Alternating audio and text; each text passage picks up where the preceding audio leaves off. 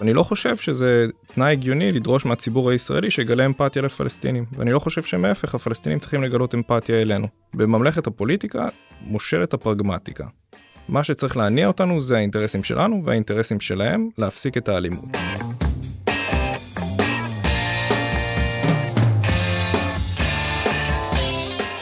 ברוכים הבאים למרקרים, פודקאסט סוף השבוע של דה מרקר. ההזדמנות שלכם לקחת פסק זמן ממחזור החדשות היומיומי ולצלול איתנו לאירועים, לאנשים ובעיקר לרעיונות מאחורי החדשות. כאן באולפן איתכם כמדי שבוע גיא רולניק וענת ג'ורג'י.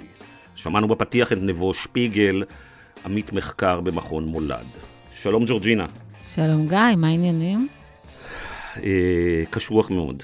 אנחנו יכולים לדבר על הסדרה החדשה שלך גם בפודקאסט הזה, או שאתה עסוק בלדבר עליו בעיקר בפודקאסטים של אחרים? את מקנאה, ג'ורג'ינה?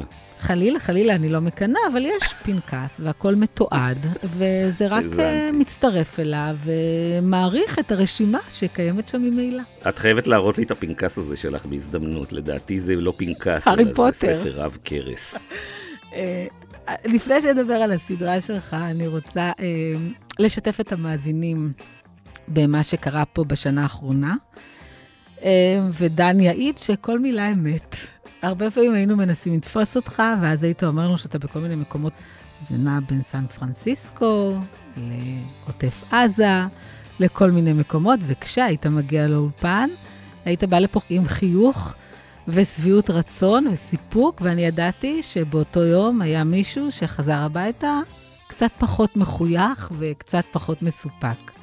אז אני רוצה לדבר איתך על סדרה, ואני מניחה שכבר אה, אה, ראיינו אותך די הרבה ודיברו עליה, אה, ואני רוצה אה, דווקא לדבר על רגשות, ולהתחיל באירוע שהיה פה לפני ארבעה שבועות, ודיברו עליו המון, והוא התרחש בסוף הפודקאסט, וכשאמרת את דברי הסיום, אה, נחנקת מדמעות. אז אולי תיקח אותנו לרגע הזה, הוא קשור בסדרה שלך. אה, נשמיע קטע קטן ממה שראית, ותספר לנו מה היה שם. סבתא נרצחה בפייסבוק. אני זוכרת אותה ככה, שוכבת בתוך שלולית דם. זה לא סבתא שלי. זה לא סבתא שלי. סבתא שלי רוכבת על אופניים, מטפלת בגינה. זו סבתא שלי, לא סבתא שלי ששוכבת בפיג'מה בסלון שלה ונרצחת. כן, ענת, אז באמת אה, מה שהיה באולפן באותו אה, שבוע אה, היה בלתי צפוי לחלוטין, לא ראיתי את זה בכלל בא. באותו שבוע שהקלטנו, השבוע התחיל ביום צילומים בניר עוז, ושם באמת צילמנו את האם והנכדה של ברכה לוינסון, שנרצחה בפייסבוק. שלושת הפרקים הראשונים בסדרה שעולה ביום ראשון הקרוב אחרי החדשות בכאן 11 אה, עוסקים ברשתות החברתיות, בגוגל ובפייסבוק ובטיק טוק. אה, אנחנו עובדים על הסדרה הזאת כבר אה, אה, למעלה משנה, אבל אה, נאלצנו לזרוק הרבה מהחומרים לפח כמובן ב-7 באוקטובר ולהתחיל אה, מחדש. שנייה, נגיע, נגיע גם לשיפט שעשית, אבל היא, היא בעצם לא נרצחה, היא כמובן לא נרצחה בפייסבוק, היא נרצחה בביתה שבניר עוז, והאירוע כולו צולם אה, והוא עלה לפייסבוק. ענת, הנכדה שלה, אה, שחוותה את כל האירוע הזה, מתארת אותו כסבתא נרצחה בפייסבוק. זה רק ככה, מבחינת המשפחה הזאת, הטראומה הזאת מלווה אותם ואת הנכדים יום-יום, שעה-שעה, בגלל שהכל קרה בלייב בפייסבוק, וכל הנכדים נחשפו לזה. וזה סוג של אה, טרור שמעולם אה, לא היה. אבל השאלה היא מה היה, אז אה, אני ביליתי עם, עם המשפחה הזאת בניר עוז באותו יום. ולפני זה ביליתי עם משפחה אחרת, שהבן שלהם נפל, וגם חוו טראומה כפולה כתוצאה ממה שקרה ברשתות החברתיות. וכשאתה נמצא בסט של הצילומים, אז אתה מאוד ממוקד בעשייה. אבל כנראה שאיפשהו אה, זה הגיע אליי אה, לפינות אה, ולמקומות שלא הייתי מודע להם.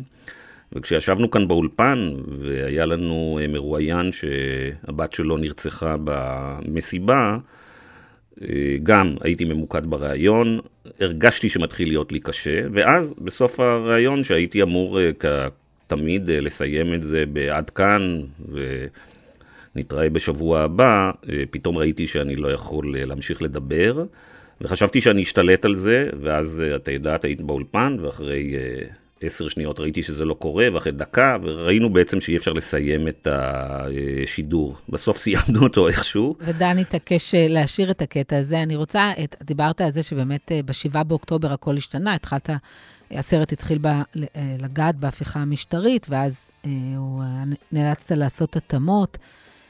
אבל אתה דן שם מדבר על, על תאגידים ועל אנשים שמאוד חזקים, ומעביר עליהם ביקורת מאוד נוקבת.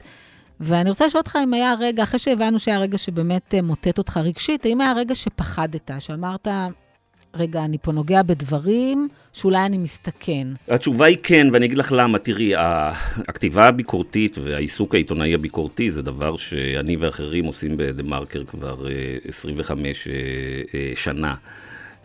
אבל כאשר אתה בטלוויזיה, ובעיקר בערוץ שידור ציבורי, הביקורת הציבורית והעין הציבורית היא עליך בפי עשרה. ואנחנו, כמו שאמרת, אנחנו באמת מתעסקים אה, בסדרה הזאת, זה כל הרעיון של הסדרה הזאת, בגורמים מאוד אה, חזקים, ואנחנו הולכים לדברים שלדעתנו הם הכי משמעותיים, ואנחנו יודעים שהביקורת ממול תהיה מאוד אה, אה, חריפה. שלושת הפרקים הראשונים עוסקים בענקי, בענקיות הטכנולוגיה, שזה החברות הכי חזקות uh, בעולם, ואני אספר לך רק על ה, uh, אחד ההישגים של הסדרה, הוא שהבאנו לראשונה בישראל מנהלים מתוך הרשתות החברתיות, ישראלים כולם, שאומרים למצלמה uh, שפייסבוק והרשתות החברתיות בכלל קוראות אותנו, והם רואים את זה. וכל התהליך מול אותם גרונות עמוקים, מול אותם whistleblowers, אה, היה תהליך שמעולם לא היה לי כעיתונאי, ואנשים שעובדים בטלוויזיה גם אמרו שזה לא זה, בגלל שהחברות האלה עוסקות בביון ומעקב, אז המנהלים והעובדים שלהם, כדי להיפגש איתי, כדי לדבר איתי, היו צריכים לנקוט בכל מיני אמצעי זהירות שמעולם לא ראיתי כ, אה, כעיתונאי. אנחנו עולים עכשיו עם העונה הראשונה ביום ראשון הקרוב, אחרי זה יש לנו עונה שנייה, והעונה השנייה אה, עוסקת, חלקה זה כבר אה, סרטים שצילמנו לפני השבעה באוקטובר. בעצם העונה הראשונה עוסקת רק בנושאים שקשורים אה, לשבעה באוקטובר. זה, כלומר, זה נושאים של הון ושלטון ושל רשתות ושל דברים אחרים, אבל זה דברים שקשורים לשבעה באוקטובר, בגלל שחשבנו שלציבור אין עכשיו קשב לשמוע דברים שמנותקים לחלוטין. אנחנו מאוד מקווים שבעונה השנייה כבר נוכל לעסוק בנושאים שלא קשורים ישירות רק ב... 7 באוקטובר, וחלק מהגורמים שאנחנו בימים אלה מנהלים נגדם תחקיר הם אה, טיפוסים אה, לא נחמדים, ואת יודעת, אבי זילברברג, העורך הראשי של התוכנית, אה, שהוא נמצא, שהוא עושה תחקירים בטלוויזיה, הוא עבד בעובדה, והוא עבד ברשת, הוא עבד בערוץ 10, והוא עבד בכל מקום כמעט בטלוויזיה. אה, כל הזמן מספר לצוות שמה שהוא חווה ועובר בשנה האחרונה זה לא דומה לשום דבר שהוא עבר. קיבלתם איומים מגורמים שיודעים שהסדרה עומדת לעלות? אה, לא, אני מקווה שאחרי הפודקאסט הזה לא נקבל. תראי, אני מניח שזה הכל יתחיל אה, אה, שבוע הבא, או בימים, ה, אה, בימים הקרובים. היום השיטה היא, אגב, לא לקבל איומים. אה, זה קשור כמובן למכונות הרעל שאנחנו עוסקים בהן, אלא שמה שקורה כרגע, שמי, שמישהו לא אוהב את מה שאתה עושה, שפתאום יש איזה צבא של בוטים או אבטארים או בובות גרב. שמתנפלת עליך באמצעות הרשתות החברתיות, וזו השיטה המקובלת אה, היום. מה שכן קיבלנו, זה לא סוד, זה היה אה, אה, בחוץ. וכשהתברר שאנחנו עשינו תחקיר על האנשים שמממנים את פורום קהלת, על המיליארדרים האמריקאים, אז פתאום אה, מישהו קפץ ואמר שצריך לעצור את הסדרת תחקירים הזאת, וגם אה, היה איזה שר שכתב uh, מכתבים למועצת התאגיד ואמר שצריך לעצור את הסדרה הזאת. מה זאת אומרת איזה uh, שר? אני, אני חוששת שזה היה שר התקשורת. נדמה לי שזה היה שר התקשורת, אבל ענת, הצוות של התאגיד שמוביל את התוכנית הזאת מטעם התאגיד, שזה uh, גילי גאון, מנהל את הדוקו, וקרן קירש, וגם ההנהלה של התאגיד, לא צייץ ולא פצע פה בכל עשרה החודשים האלה שאנחנו עובדים על זה, ולא ביקשו מאיתנו להזיז מילימטר בביקורת שלנו על אף אחד. ונכון לרגע זה, אני יכול להגיד שבכל מה שקשור לתוכניות תחקירים על הון שלטון עיתון, התאגיד פורע פה את השטר בגדול. אבל שאלתי אותך אם אתה. פחדת, ואתה מדבר איתי על כמה שבתאגיד נתנו לך לעבוד. אני כל הזמן מפחד. אני פחדתי גם שהתעסקנו לפני 15 שנה עם הדנקנרים, ועם הפישמנים, ועם המוזסים ששלטו בכל העיתונות. אה, אני תמיד אה, מפחד, ואני מקווה שזה הופך אותי ליותר אה, מחודד וליותר מקצועי. אז אני רוצה לשאול את השאלה האחרונה. אתה כותב על העניין הזה של רשתות חברתיות הרבה זמן. סיפר לי עורך בכיר שלא אנקוב בשמו, שפעם הזמנת אותם אליך הביתה. אני משום מה לא הוזמנתי לאותו אירוע, אבל זה גם מופיע בפנקס. הכל מופיע באותו פנקס. ברור. אה, וחפרת בערך ארבע שעות על העניין של רשתות חברתיות. אז בהינתן שהכרת את התחום מאוד טוב, היו דברים שהפתיעו אותך? שאלה נהדרת, והתשובה היא וואו, ענת, ברמה שאת לא מבינה כמה. אה, אני מתעסק, כמו שאמרת, ברשתות חברתיות ובביקורת על הרשתות החברתיות בערך עשר שנים, פחות או יותר מאז שהם התחילו לשנות את האלגוריתמים שלהם, בצור, להפוך להיות אה, מכונות כל כך מרושעות, שבאמת אה, זורעות רעל בכל העולם ובישראל. אבל מה שקרה אחרי 7 באוקטובר, אה, אני פשוט לפעמים הרגשתי שפספסתי, המצב הוא הרבה יותר חמור ממה שחשבנו. ואם נחזור לנושא של השיחה שלנו היום, אנחנו נדבר על זה היום.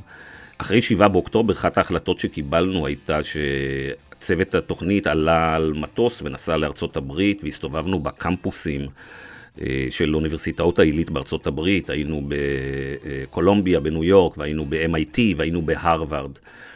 ולראות את הצעירים האמריקאים, השמאלנים, הנאורים, הווקים, מראים לך את הפיד שלהם בטיקטוק ובאינסטגרם, ומסבירים לך למה הם תומכים בחמאס. ואחרי זה לשמוע מתוך גרונות עמוקים בתוך הרשתות החברתיות, לראשונה את המספרים של חשיפות לתעמולה של החמאס, ולהבין עד כמה הרשתות יש להן עוצמה והן משחקות משחק כל כך משמעותי פה בשלושה חודשים האחרונים. זה היה הרבה מעבר למה שאני תפסתי לאורך השנים, את היכולת של המכונות האלה בעצם לעצב את התודעה ואת ההתנהגות של אה, מאות מיליונים של אנשים בכל רחבי העולם. אז גיא, אה, לפני שנעבור למרואיין שלנו, שכבר נמצא פה באולפן, נאחל לך, אה, דן ואני, הצלחה בסדרה הזאת, ואני, חשוב לי לציין למכונות הרעל שאני לא קשורה לסדרה. תמיד כששואלים אותי, אה, האנשים המעורבים בעסק הזה, גיא, מאיפה הרעיונות? אני אומר, הכל השראה שאני מקבל פעם בשבוע מענת ג'ורג'י באולפן. תדעו את זה ותזכרו את זה, היא איתי באש ובמים, והיא מגנה עליי, ולפגישות אנחנו, אני אגיע איתה. אה, טוב, אז בנימה זאת אנחנו אה, נעבור למרואיין שלנו, אה, לנבו, שהוא עמית מחקר במכון מולד ודוקטורנט לפילוסופיה באוניברסיטת תל אביב, והוא פרסם מאמר בהארץ לפני כמה ימים, שמתייחס לשמאל הישראלי, אה, ודן בין היתר בחשבון הנפש שהוא צריך לעשות אחרי ה-7 באוקטובר. אז הנה מתחילים.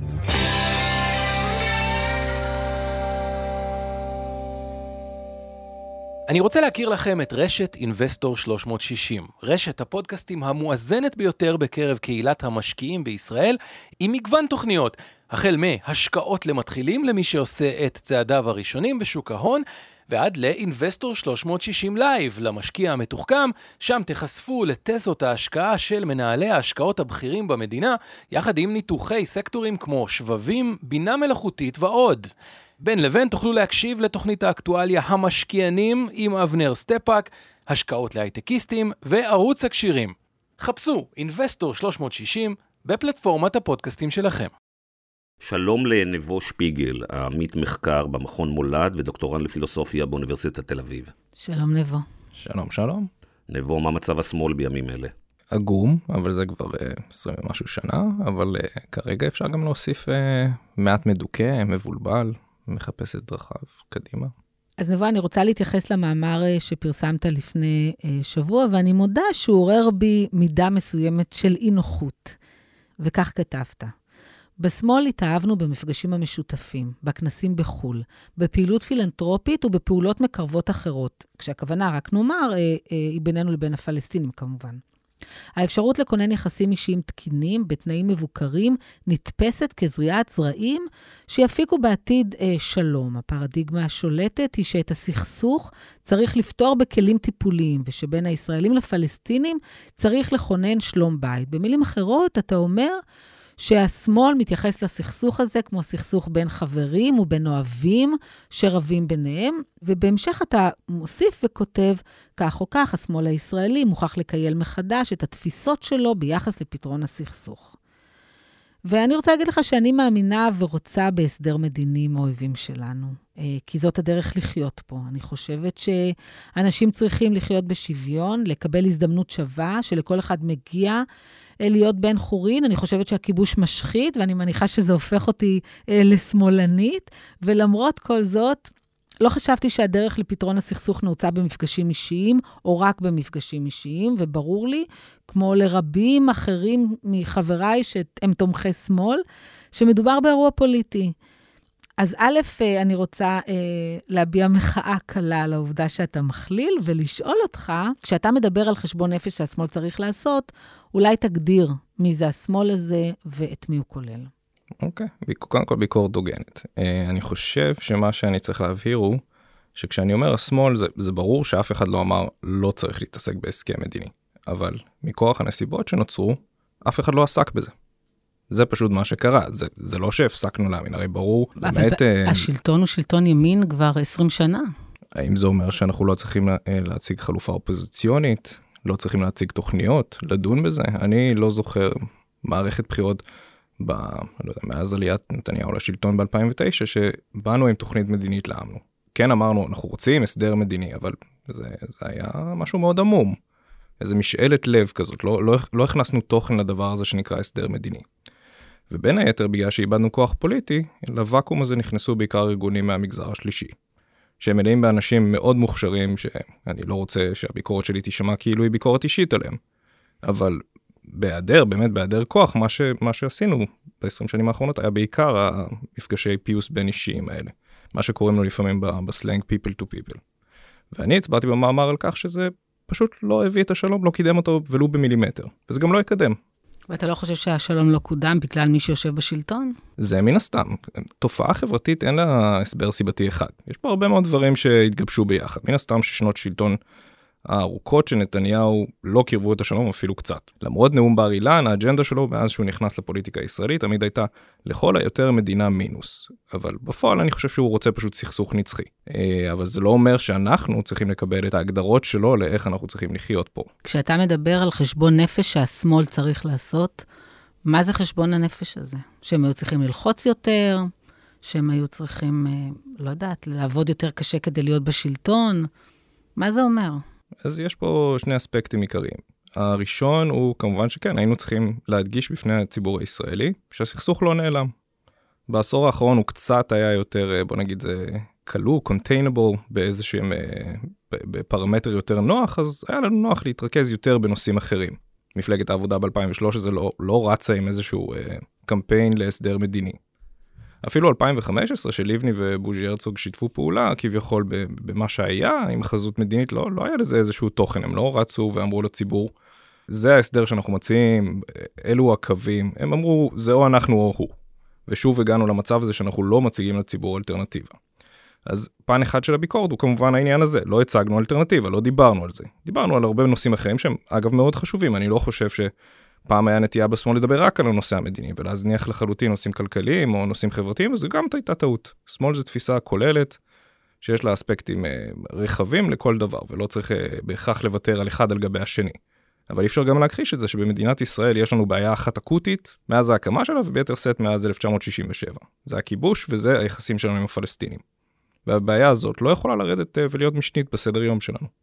נבו, דיברת ברישה של הדברים שלך על זה שאחרי 7 באוקטובר השמאל מבולבל. בוא תסביר לי למה השמאל מבולבל. אז זה באמת האספקט השני, אני הייתי בהלם בשביעי לאוקטובר.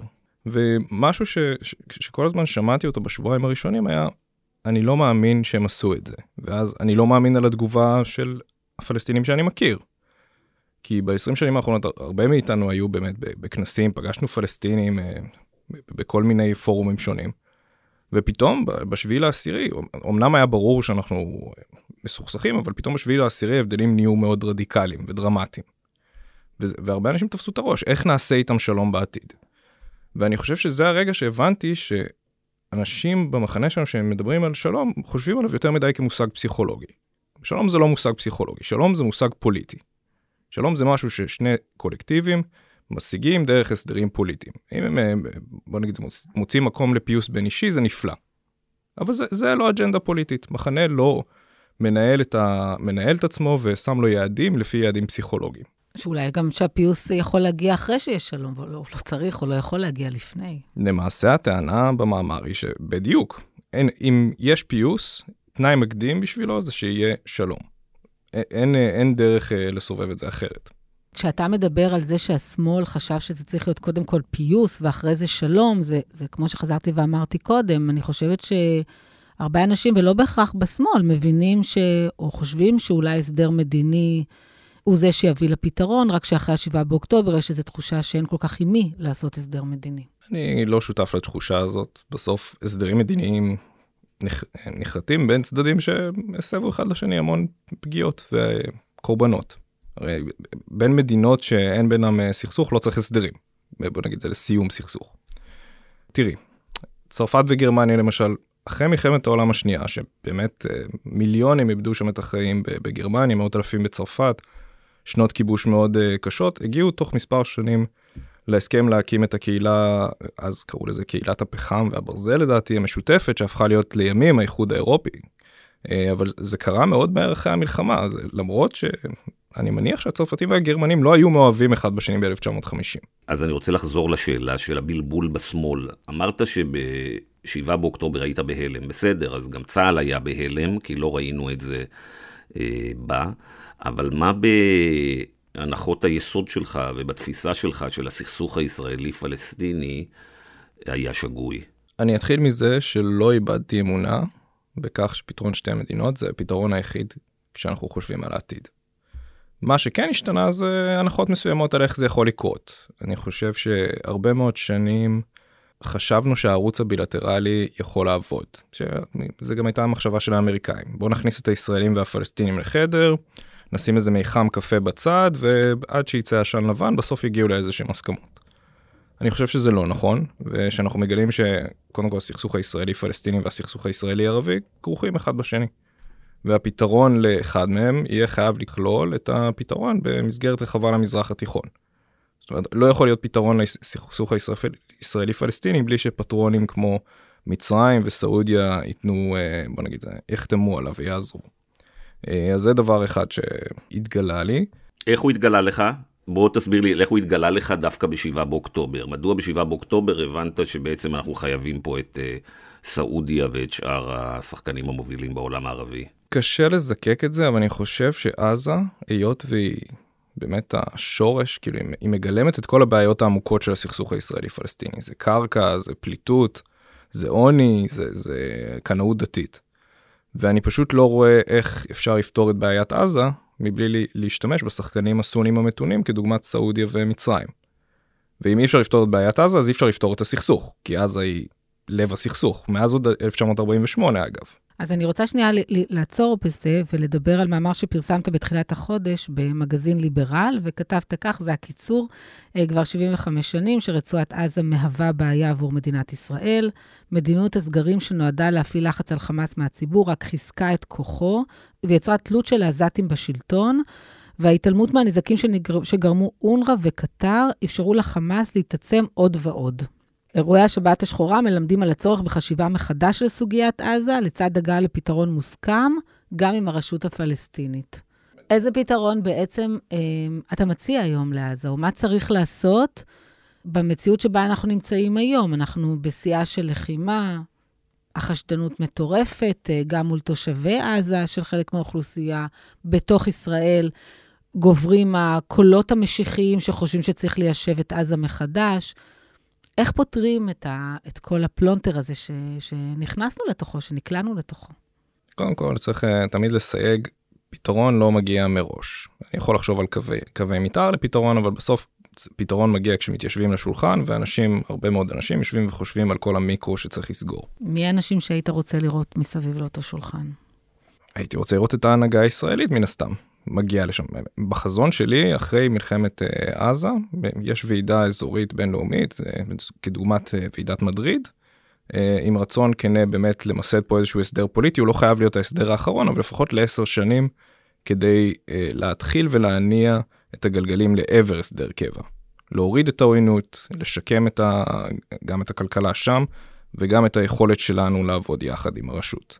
נבו, בינתיים מה שאנחנו רואים, אני לא יודע מה אתה רואה, אני אשמח לשמוע מה אתה רואה, אני אגיד לך מה אני רואה, דיברנו על זה בפודקאסט ענת ואני בחודש האחרון לא מעט, זה שהאלקטורט בישראל, הציבור בישראל, נע ימינה. אתה שומע הרבה אנשים אומרים, אה, אני לא יודע אם לקרוא להם שמאלנים, אה, זה תיוגים, אבל אומרים אין לי אמפתיה אחרי 7 באוקטובר. לצד השני, ובמאמר שלך אתה בעצם אומר, כל הקונספט הזה של אמפתיה, אה, שדיברנו עליו בשלושים שנים האחרונות או שיותר, לא רלוונטי. אנחנו צריכים לחתור אה, להסדרים מדיניים ופוליטיים, ולהפסיק להתעסק בשאלות של אה, האם לנו יש אמפתיה לפלסטינאים, ולפלסטינאים יש אמפתיה לנו. אני בסך הכל באמת עומד מאחורי האמירה הזאת. אמפתיה זה משהו מאוד מורכב, כי אמפתיה זה משהו שמתעורר בסיטואציה בין אישית. עכשיו אני לא חושב שזה תנאי הגיוני לדרוש מהציבור הישראלי שיגלה אמפתיה לפלסטינים ואני לא חושב שמהפך להפך הפלסטינים צריכים לגלות אמפתיה אלינו זה בסדר. אנחנו נמנים על קולקטיבים שונים יש לנו סנטימנטים לאומיים שונים ואמפתיה זה לא משהו שצריך להניע לא אותנו ולא אותם לעבר הסכם. בממלכת הפוליטיקה מושלת הפרגמטיקה. מה שצריך להניע אותנו זה האינטרסים שלנו והאינטרסים שלהם להפסיק את האלימות. אתה מדבר במאמר שלך שענת אה, דיברה עליו אה, מקודם, על אה, שני נושאים שאני רוצה שתרחיב עליהם. אחד, אתה אומר, השמאל הישראלי התנהל באמצעות תעשיית הכנסים והמפגשים, שזה מה שאהבו התורמים. והדבר השני שאתה מדבר עליו זה על האליטיזם בגישה לפתרון הסכסוך. אז אולי יש לנו כאן עוד פיל בחדר, והוא שבעצם ש... המאמצים לכונן אה, הסדר מדיני בין הפלסטינאים לבין הישראלים התנהלו בשלושים שנים האחרונות על ידי אה, בעלי ההון בשני הצדדים, אלה שמימנו את כל הפעילויות האלה. אה, ואולי ההסתכלות שלהם על העניין הזה והאינטרסים שלהם על העניין הזה מנעו מאיתנו מלהתקדם לעבר איזה הסדר. זה גם בעלי הון, אבל זה גם המון uh, קרנות זרות, ובוא נגיד זה גופים, uh, ממשלות זרות, שאגב זה בסדר שממשלות זר, זרות תרומות. Uh, יכול להיות שבאמת uh, יש להם איזשהו uh, תרומה סיבתית לזה שהגענו לאן שהגענו, אבל צריך לשים לב שזה תהליך שיש לו הרבה גורמים, ואחד ממנו הוא היה שבהיעדר כוח פוליטי, השמאל עבר להתנהל, בוא נגיד זה במגזר השלישי. והמגזר השלישי צריך להחזיק את עצמו. אין מה לעשות, זה לא מפלגות, הם לא מקבלים מימון אה, מפלגות, יש פה, בשמאל יש לנו יותר עמותות ממצביעים, אני אומר. והעמותות האלה צריכות איכשהו להחזיק את עצמם. ועם השנים פשוט התגלה שקל יותר למכור לתורמים בוושינגטון ובלונדון תמונות של ישראלים ופלסטינים יושבים בחדר ומנהלים אה, שיחות מאשר את הפעילות האפורה הזאת של אה, לעבוד על הסכם פוליטי. וגם אה, אפשר גם לציין פה מידה של ביקורת, אנחנו בשמאל שכחנו שפוליטיקה עושים בזירה מפלגתית. פוליטיקה לא מקדמים בעמותות, אין מה לעשות. נבו, אתה אומר פה משהו מדהים, אתה אומר שבגלל הצורך במימון, השתנתה בעצם האג'נדה, מתוך, ממקום שצריך לעשות הסדר מדיני ולהשתלב בפוליטיקה, אה, למקום שהוא יותר אה, אישי, חברי, רגשי. אני רוצה לסייג פה כי אני לא אומר שזה תהליך מודע. כל האנשים בארגונים האלה ודאי יגידו לכם תשארים בטח הסכם זה הדבר הכי חשוב שיש. אבל יש את היום יום הארגונים האלה צריכים לדבר עם תורמים הם צריכים להעלות לאתר שלהם תכנים הם, הם מחפשים לעשות משהו גם יש פה אנשים סופר מוכשרים בארגונים האלה ש... וכנסים שבהם יושבים ואוכלים ביחד בורקס ומדברים בעברית ובערבית מוכרים יותר טוב אפשר לגייס בגינם כסף. לא אני, אני חושב ענת שבשמאל לא אוכלים בורקס אני חושב שזה יותר אה, ירקות חתוכים. אתה גם מכליל גיא. אני מכירה כמה שמאלנים שאוכלים רוגלח ובורקס. אה, ואני רוצה בכל זאת להתמקד במי שהיה בשלטון, והאחריות היא עליו בסופו של דבר, עם כל חשבונות הנפש אה, שהשמאל, איך אמרת לי בהתכתבות המקדימה בינינו, שזה נהיה מין ספורט כזה. ואני רוצה להקריא עוד פסקה מהמאמר שלך שמתייחס לשמאל הישראלי, וכך אתה כותב. בשנות שלטונו הארוך של נתניהו, העיסוק הפוליטי בסיום הסכסוך נדחק לקרן זווית. בהיעדר כל אופק מדיני, חלקים בשמאל הסתפקו בדרישה למשא ומתן בלי להתייחס יותר מדי למה שנידון בו. במידה מסוימת, קונספציית נתניהו, שדגלה בניהול סבבים מול חמאס עם משא ומתן בלתי פוסק על הסדרות נקודתיות, שפטה אף היא את ליבנו. עצם העובדה שישראל מנהלת משא ומתן כלשהו עם פלסטיני כלשהו, גרמה לנו להרפות מהדרישה שמשא ומתן זה יוכוון לשלום ארוך טווח, ולא בשם המטרה האמורפית של צמצום הסכסוך. למעשה, מה שאתה אומר פה, שלא רק הימין הלך שבי אחרי קונספציית נתניהו, אלא גם השמאל. חד וחלק. אז כולנו ביביסטים. לא, ביבי נתניהו נמצא בשלטון כל כך הרבה זמן, שבין אם אתה רוצה או לא, אתה עובד בפרדיגמה של ביבי.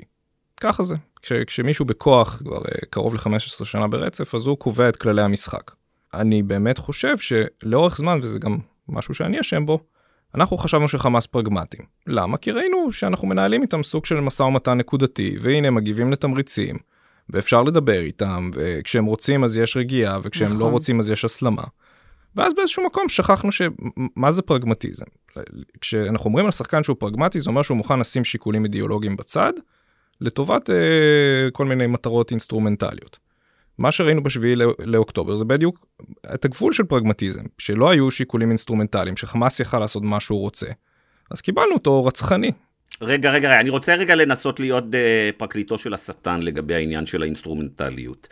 Uh, אני, מסתכל, אני מנסה רגע להסתכל על נקודת מבטו של החמאס ולהגיד ששבעה באוקטובר היה מאוד אינסטרומנטלי. Uh, למה? בגלל שבמשך עשר uh, שנים הנושא הפלסטיני ירד מסדר היום העולמי. אה, לא קראנו בעמוד הראשון של הניו יורק טיימס כבר את הכתבות על מצבם של הפלסטינים במשך 6-7 אה, שנים. אז אה, החמאס אמר, בואו ניתן להם כזה שוק, שהפלסטינים יחזרו להיות בראש סדר העדיפויות, נעשה גם עם זה קמפיין תודעה ותעמולה הגדול ביותר בהיסטוריה, והנה אנחנו רואים שהחמאס הצליח לייצר סדר עולמי חדש, שבו כולם מדברים על הפלסטינאים, אז אולי החמאס הוא דווקא ארגון מאוד מתוחכם ופרגמטי. אני חושב שקודם כל צריך להיזהר מלזהות תוצאה מסוימת כמכוונת. יכול להיות שזה אכן היה במפת שיקולים של החמאס, אבל גם יכול להיות ששיחקו שם דברים כמו המאבק הפנימי בין סינואר להנהגה בדוחה. אנחנו לא יודעים בדיוק מה, מה הניע את ההנהגה בחמאס לעשות את מה שהיא עשתה כשהיא עשתה. אין ספק שיהיו שם שיקולים רחבים.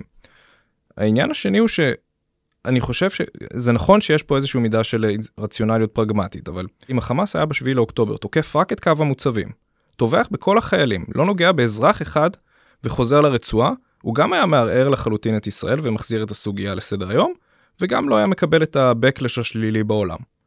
הוא לא עשה את זה. רגע, יש Backlash שלילי בעולם? יש, אני חייב לומר שאני לא שותף ל... זה אולי נושא למאמר אחר, אבל אני לא שותף לאמירות שיש פה איזשהו שינוי טקטוני ביחס של העולם אלינו. אני רואה מנהיגים גם מהמרכז שמאל העולמי, סטארמר בבריטניה, שולץ בגרמניה, שאומרים אמירה חד משמעית שהם עומדים עם ישראל בנקודה שזו מלחמה צודקת. אמנם הם לא מסכימים איתנו על הדרך שאנחנו מנהלים איתה, וגם אני לא מסכים עם הממשלה על איך אנחנו מנהלים את המלחמה. אבל זו אכן מלחמה צודקת. ואני לא חושב שכל העולם אה, נגדנו.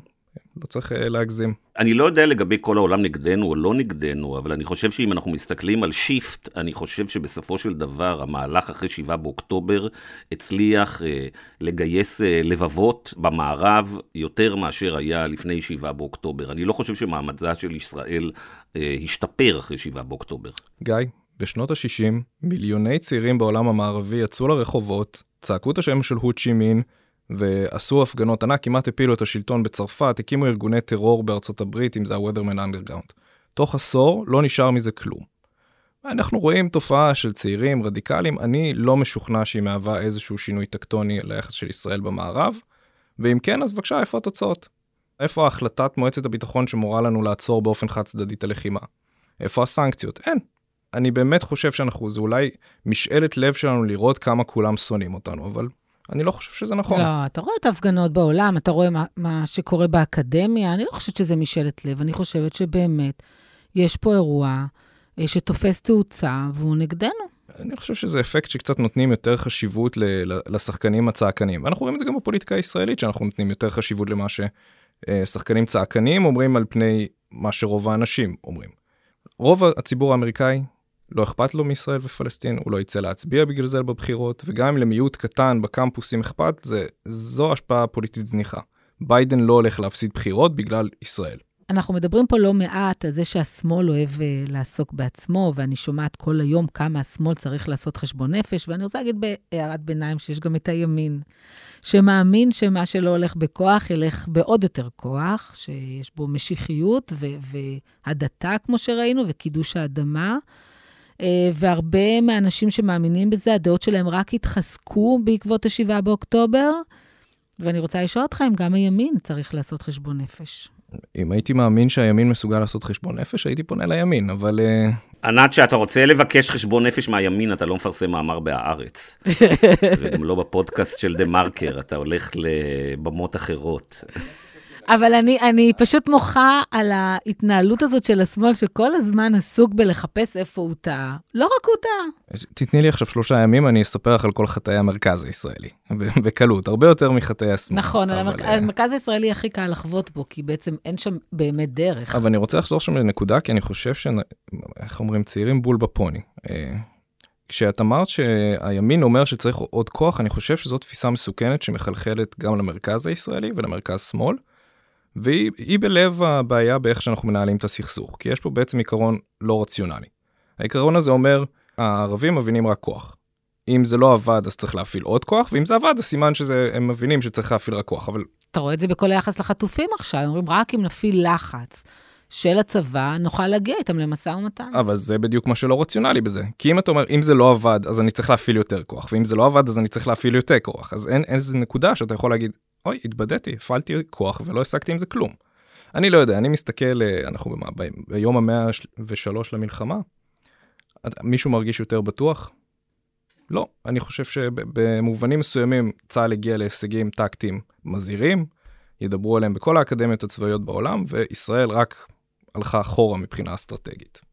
כן, אני, מעניין אותי מאיפה אתה שואב את הביטחון הזה להגיד שהגל אחרי הגל האנטי-ישראלי, וגם יש בו אנטישמיות החל 7 באוקטובר, הוא דבר שיחלוף ושביידן אה, אה, לא יפסיד את הבחירות, כי כשאני מדבר עם אה, אנשים שפעילים במפלגה הדמוקרטית ואנשים שעוסקים בפוליטיקה בוושינגטון, אני שומע דאגה מאוד גדולה. בסוף השבוע הזה קיבלתי טלפון מאיזה מכר שאמר לי, תשמע, חייבים לעשות משהו עם המדיניות הסלחנית של ביידן כלפי אה, נתניהו, בגלל שאנחנו הולכים לקבל את טראמפ בגלל העניין הזה. אז אני מניח שאתה מדבר עם, אה, אני אשמח לשמוע, אני מניח שאתה מדבר עם פעילי שמאל בכל העולם, ומשם אתה מקבל את התחושה הזאת. אה, קודם כל, אני חושב, לא אמרתי שביידן לא יפסיד, אני חושב כרגע שביידן הולך להפסיד, אמרתי שהוא לא יפסיד בגלל ישראל. לא, אבל אתה יודע, בפוליטיקה האמריקאית שהכל לא, אתה יודע, הכל שם זה מספיק שהוא יאבד אחוז שניים מהצעירים,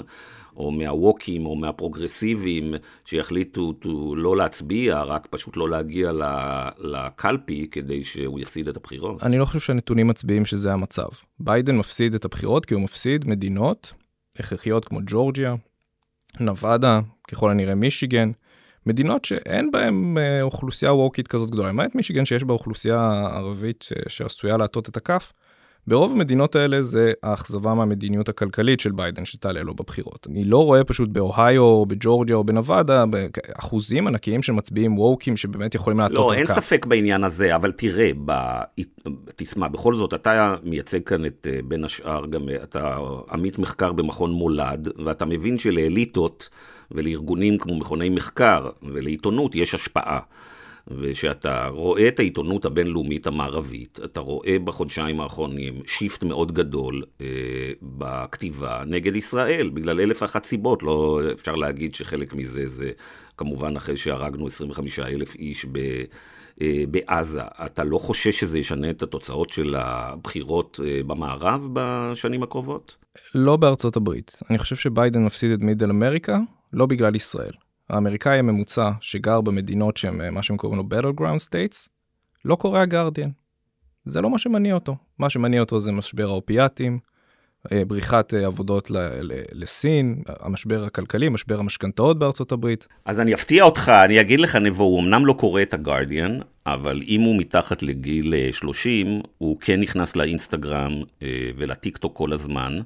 וכשאני פוגש צעירים אה, אמריקאים בשלושה חודשים האחרונים, הם מסבירים לי חלקם אפילו, אה, שהם אה, אה, מקבלים את החומר שלהם, ואני לא מדבר איתך על woke ים, אלא סתם צעירים אמריקאים, הם מספרים לי שהם אה, צופים באינסטגרם ובטיקטוק באל-ג'זירה. משהו בכל זאת השתנה. העולם אכן משתנה, והעובדה שיש יותר ויותר אוכלוסייה מוסלמית בארצות מערביות אומר שיהיה להם השפעה אלקטורלית. האם כרגע אנחנו רואים את ההשפעה הזאת? אני לא חושב. תראה את בריטניה. בבריטניה האוכלוסייה המוסלמית של המהגרים, בעיקר מפקיסטן ומדינות אחרות, היא, היא בניגוד לארה"ב, היא אכן אלקטורט חשוב. זה, זה חלק לא מבוטל מהקואליציה של הלייבור. לקחתי את כל הסקרים של אה, סקרי הבחירות אה, בבריטניה מה-7 לעשירי, אין שום השפעה על התוצאות של הלייבור. וזה למרות הקו שסטארמה מוביל נגד השמאל של קורבין וכו' שמגנים אותו. אין לזה השפעה. ואם אין לזה השפעה בבריטניה, מדינה שיש לה אוכלוסייה מוסלמית גדולה, שיש לה אה, השפעות סיבתיות על התוצאות של הבחירות, אז בטוח שאין לזה השפעה בארצות הברית. אני לפחות לא ראיתי את זה, אני חושב שיש גם אה, חטא מסוים של אינטלקטואלים, שנושאים שמעניינים אותנו, אנחנו חושבים שהם מעניינים את הציבור הכללי. אני חושב שאם היית שואל את הצעירים האלה, לא בשיקגו, או אולי בבלומינגטון או בערים אחרות, מה מעניין אותם, יכול להיות שהם היו עונים לך תשובות קצת אחרות מישראל, הם היו עונים לך, חצי מהכיתה שלי נפטרה ממשבר אופיאטים. מה הממשלה הפדרלית עושה בנידון? אה, אני רוצה אה, לסיום לחזור לישראל אה, ולשאול אותך, יש פה מתחילה מחאה שמטרתה או שמכוונת את החיצים שלה להחלפתו של נתניהו. האם אתה חושב שבזה הדברים יסתדרו, או שכדי שנוכל לצמוח מהמשבר הזה, אה, נדרש פה משהו הרבה יותר עמוק, ואם כן, מהו אותו דבר עמוק שנדרש כרגע? קודם כל, נתניהו צריך ללכת הביתה. זה, זה תנאי הכרחי לכל אפשרות אפילו לפתרון. כי כל עוד הוא שם, אנחנו לא יכולים אפילו להגיע לדיון על איזה פתרונות צריכים, כי הוא לא מוכן. אגב, יש לנו גם דיווחים שהוא מסרב להביא את עניין היום שאחרי לדיונים בפורומים מקצועיים וביטחוניים, אז אין ספק שהוא צריך ללכת. וזה גם היה נכון לפני השביעי לאוקטובר, אבל במיוחד אחרי. האם אחרי זה אנחנו נגיע לפתרון? אני לא, לא יודע, אני לא בטוח שלגנץ ולמרכז הישראלי יש כרגע את התעצומות נפש אה, לחשוב באופן אה, אסטרטגי על איפה הוא רוצה לראות את ישראל. אני חושב שזה מקום שכמו שאמרתי, האפיק הבילטרלי הסתיים. ואני חושב שארצות הברית ומדינות אחרות שהן בעלות בריתנו צריכות להיות קצת יותר פרואקטיביות, ולהעביר להנהגה הישראלית שיש מחירים, ושיש אה, להתחיל לעשות trade-offs בין המצב היום לאיך אנחנו רוצים לראות אותו בעתיד. נבו, בוא נחדד, המיקס הזה, אנחנו לא יודעים מה יהיה בפוליטיקה, אבל המיקס הזה של אה, גנץ יחד עם בנט ויוסי כהן, זה בגדול בנימין נתניהו. במהות כן. יש, אה, יש הבדלי גוון, והעובדה שנתניהו... אולי פחות שחיתויות, פחות הסתה, פחות קיטוב של העם, אבל בתפיסה שלהם, של הסכסוך הישראלי-פלסטיני, הם נתניהו על מלא. אה, ואני חושב שאם נתניהו לא היה עם כל כך הרבה תיקים פליליים ומשוקע כבר עם הימין העמוק, הוא היה יכול להגיב יותר טוב לשיקולים, אה, בוא נגיד זה פרגמטיים כרגע. ללא ספק. יכול להיות שנתניהו בלי פלילים ובלי שחיתויות ובלי כל הרצון שלו להקריב הכל כדי להישאר בשלטון, היה לו יותר יכולת לקדם משהו מול הפלסטינאים מאשר לנפתלי בנט, איילת שקד וגדעון סער. חד וחלק, ואני חושב שהמחנה הממלכתי היא לא מפלגת שמאל, היא לא התקווה שלנו. אז מה התקווה שלנו? אני יוצאת מאוד פסימית מהדיון הזה. קודם כל להבין שאנחנו צריכים להתארגן מחדש. המחנה שלנו נמצא כרגע ארבע מנדטים וגם הם למשהו שהוא כרגע ארטילאי, זה מרץ, זה לא מפלגה, זה, זה ברנד. אנחנו גם צריכים להבין שההשפעה היא בסוף בפוליטיקה. שמע, נבו, יש פה פספוס מטורף. אחרי שבעה באוקטובר, כל העמותות שמאל האלה וכל פעילי השמאל האלה עדיין לא מצאו רעיון וסיפור ונרטיב ומותג, and you name it, אני לא יודע מה, כדי שיביא לאיזה שינוי בנתח שוק שלהם. זה פשוט קטסטרופה של השמאל כמי שיכול, כאיזה ארגון וכתנועה שיכולה לזוז לאיזה כיוון. אני מסכים ואני בוכה על זה כל לילה. טוב, אז uh, אנחנו אופטימיים לא נצא מהשיחה הזאת, אבל אנחנו צריכים לסיים אותה. אז uh, נבוא תודה רבה על השיחה הזאת. תודה לכם.